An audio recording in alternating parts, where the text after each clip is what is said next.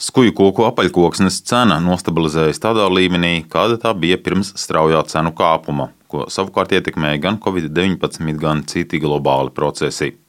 Tā secināts Latvijas lauku konsultāciju un izglītības centra apkopotajā informācijā.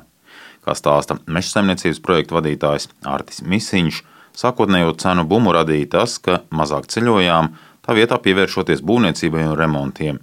Paralēli augošiem pieprasījumam, tādas lielvalstis kā Krievija un Kanāda būtiski kāpināja arī ievedmuitas cenas, kas koku materiālu sadārdzināja vēl vairāk. Apaļo koku materiālu cenas arī diezgan atkarīgas no sezonalitātes.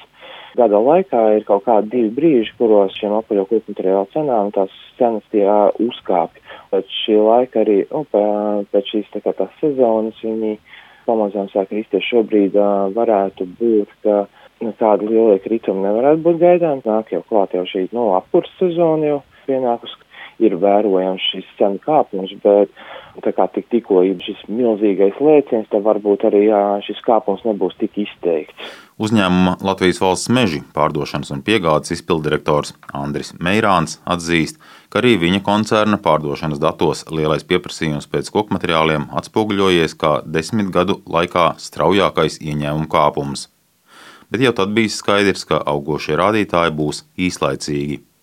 Meirāns teica, ka koku materiālu cenas ir nevis būtiski samazinājušās, bet nokritušās līdz jaunai tirgus cenai, kas būs spēkā vismaz nākamo pusgadu. Ja kādu piemēru, tad otrā ir zāģebeļi, kas faktiski tiek izmantoti būvkonstrukcijās un būvniecībā izplatīts materiāls. Pirms pandēmijas šie cenu līmeņi bija 70, 80 eiro.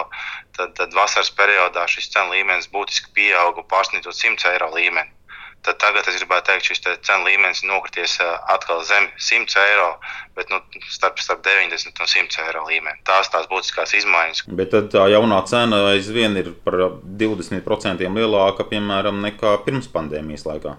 Noteikti, jā. Noteikti šīs jaunais cenu līmenis vai šī jaunā tirgus cena būs augstāka nekā pirms pandēmijas. Augsto cenu līmeņa krišanās, sevišķi plātnēm un skuju koku dēļiem, bija sagaidāma. Tam piekrīt arī Latvijas Kokrūpniecības federācijas izpildirektors Kristaps Klauss. Ļoti atšķirās situācija, cik tu esi spējīgs piegādāt tiešām klientam tajā vietā, kur viņam to vajag. Lielākoties mūsu Latvijas kokrūpnieki nav ar loģistikas jaudām, ka viņi paši varētu aizvest, viņi iegādājās viņas.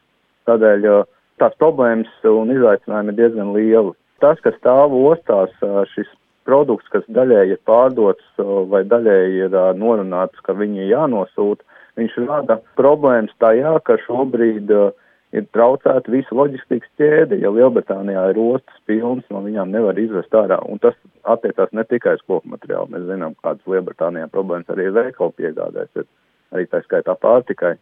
Loģiski, ka tas nāk viens soli atpakaļ arī Latvijas ostās uzkrājušās, un tajā brīdī, kad Latvijas ostas pilns arī zāģētavās nav noliktavu bezgalīgi liels. Tā iemesla dēļ viņas mazina ražošanas apjoms, daļa, ne visi, bet daļa mazina ražošanas apjoms. Un, protams, ka tas beig beigās aiziet pa ķēdīt līdz meža īpašniekam, jo šobrīd ne dēļ dēļu cenas par maksātu lielo cenu, ne arī līdz galam vajag tos, tos apjomus, ko mums vajadzēja jūnijā, vai jūlijā vai augustā. Tādējādi likumsakarīgi ir cenu krišanās, kas dēļiem un plātnēm septembrī un arī oktobrī bijusi ap 10% samazinājuma līmenī. Patēriņš kopumā nav krities. Vai vēlme patērēt nav kritusies, bet dēļ loģistikas viņi ir ārkārtīgi grūti apmierināt. Un tā iemesla dēļ tā ķēdīte vārds pieprasījums aptver vārdu slēdzam darījumu. Šobrīd tirgotāji, ja viņiem prece iestrēgs kādā loģistikas ķēdes posmā, viņi nav ļoti interesēti pirkt par dārgu naudu šo produktu, jo viņi īsti nezin, kad viņi vispār viņu varēs realizēt savam pircējam. Tomēr apaļkoku uzkrājumi Latvijas ostās nevienmēr nozīmē problēmas, ka nav smago mašīnu, kas tos aizved līdz klientiem. Piemēram, papīra malku, jeb baļķus, no kuriem nesenāk dēļi, pārsvarā eksportējam uz Somiju vai Zviedriju. Un noiet tirgus šajā segmentā vienkārši pasliktinājies ilgākā laikā. Edgars Kupčs, Latvijas radio.